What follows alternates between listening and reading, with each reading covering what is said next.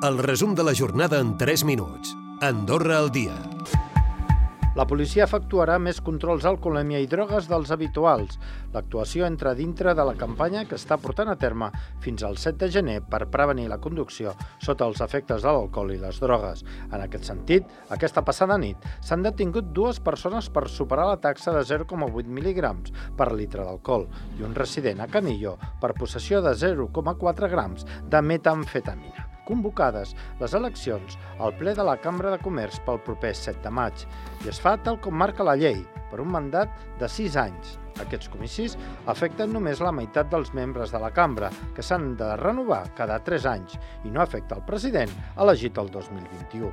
A través d'un edicte del BOPA, el Ministeri de Presidència i Economia ja ha anomenat la Junta Electoral. Prop d'un 25% de persones participen al programa de detecció precoç del càncer de colon. Des de que es va iniciar, el desembre de l'any passat, més de 10.000 persones de Canillo, Encamp, Ordino i part de la Massana han estat convocades al cribatge. Sentim Mònica Malet, tècnica en Salut Pública del Ministeri de Salut.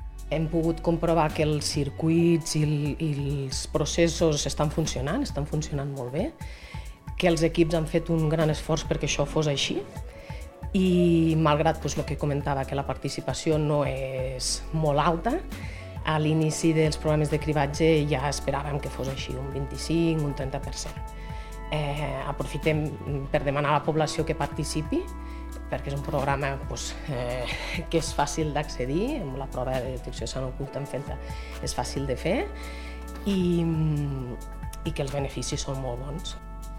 Els restaurants i les discoteques es preparen per aquesta gran nit. És la nit més grossa de l'any i per la qual la gent està més disposada a escurar-se les seves butxaques. Aquest any ho fan amb un nou actor en joc, el casino. Els preus per aquesta nit pugen fins als centenars d'euros. Els restaurants poden oferir menús a 300 euros i les discoteques no baixen dels 40. Tot i així, molta gent està disposada a pagar el preu. Tanta que això suposa un repte pels establiments que han de reforçar la seguretat i els treballadors. Sentim Pedro Morán, director de màrqueting d'Únic. Doncs mira, a nivell d'efectius, eh, inclo, incloent el que és restauració i discoteca, que al final són els dos productes que, que, que venem a, a per cap d'any, eh, hem reforçat la plantilla amb un 30% de, de personal extra.